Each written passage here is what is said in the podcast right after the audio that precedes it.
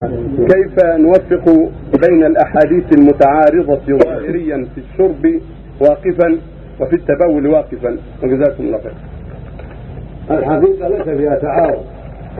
فالنبي صلى الله عليه وسلم نهى عن الشرب قائما ثم فعل ذلك صلى الله عليه وسلم. فدل ذلك على أن الأمر ليس للوجوب وليس النهي للتحريم.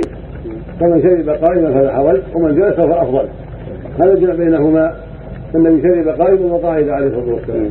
فالقعود افضل وارضى وأهنى. وإذا شرب قائما للحاجة والعجلة أو لاسباب أخرى فلا بأس. فثبت هذا وهذا عن النبي صلى الله عليه وسلم. فيدل أن أن نهيه على الكراهة وأن أمره بالقعود للند ولا ولا ولا مخالفة في ذلك. ولا تعارض. وهكذا البول قائما والبول قاعدا. البول قاعدا أفضل وأستر. والبول قائما جائز إذا كان ما فيه ظهور العوره إذا كان ما يرى أحد.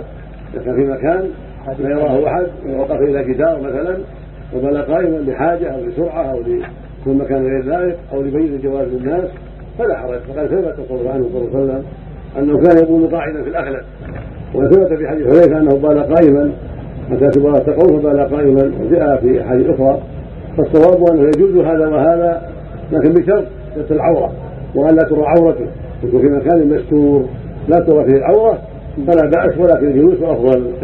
شيخ في بعض بعض المحلات في أماكن مخصوصة للتبول القائم يعني زي مثلا مثل المطارات المطارات لا حرج لا حرج إذا دعت الحاجة لا حرج ما في حاجة يا شيخ في دورات مياه يعني المقصود بجوار هذا المقصود إذا كان بوله قائما لا ترى عورته ولا ولا يطبع فيها بالنجاسه